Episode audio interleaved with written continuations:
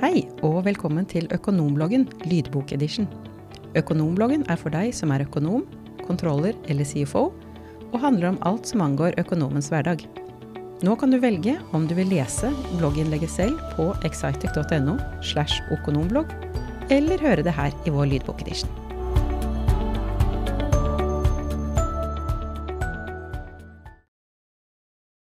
Hva er forskjellen på budsjettering og prognostisering? Dette blogginnlegget har tema prognose og budsjettering, og er skrevet av Andreas Toeneie i Excitec. Du har kanskje lagt merke til at budsjett og prognose blir brukt om hverandre og i sammenheng.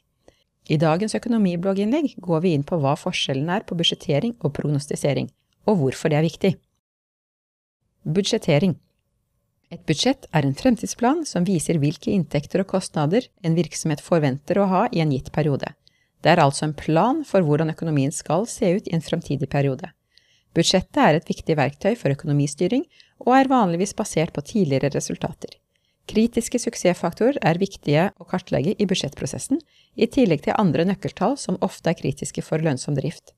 Eksempler på slike nøkkeltall er EBITDA, finansieringsgrad og arbeidskapital.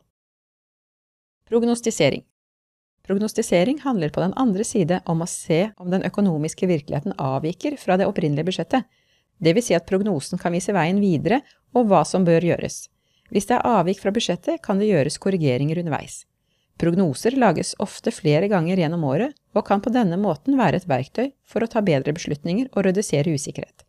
Bruk av historiske data kan avdekke trender som gjør at dine prognoser blir enda sikrere og bedre. Så hva er egentlig forskjellen? Én ting er iallfall sant, og det er at både budsjettering og prognostisering er viktige verktøy som hjelper bedriften å planlegge for fremtiden.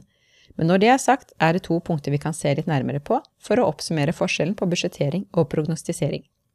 Budsjettering handler om å kartlegge en rekke finansielle aktiviteter i et selskap for en bestemt periode, som for eksempel antatte inntekter, utgifter, kontantstrøm og investeringer.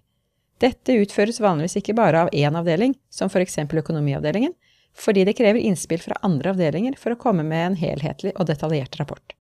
Mens budsjettet gjerne utarbeides årlig og gjelder for et regnskapsår av gangen, oppdateres prognoser vanligvis månedlig eller kvartalsvis. Gjennom prognoser kan en bedrift justere budsjettet og allokere mer midler til en avdeling etter behov. Oppsummert kan vi si at budsjettet avhenger av prognosen. Hvorfor er budsjettering og prognostisering viktig? Som nevnt tidligere er budsjettering og prognostisering begge viktige verktøy for å kunne sikre bedriftens økonomiske planlegging.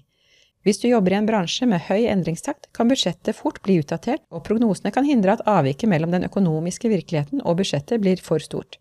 Hvis det gjøres riktig, kan prognostisering gi et konkurransefortrinn og være forskjellen på et vellykket og et feilende selskap. I et tidligere gjesteblogginnlegg på Økonombloggen skrev Stig Roar Sandvik, CEO i Profitbase, om kunsten å være på forfoten med fremtidsrettet økonomistyring.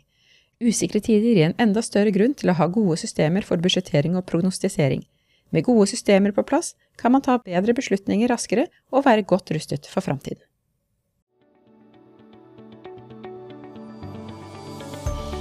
Vil du høre flere økonomblogginnlegg i lydbokedition, finner du dem på Spotify og Apple Podkast.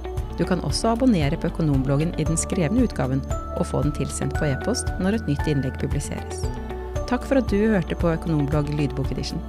Du finner mer informasjon for økonomer og andre tema på excitec.no.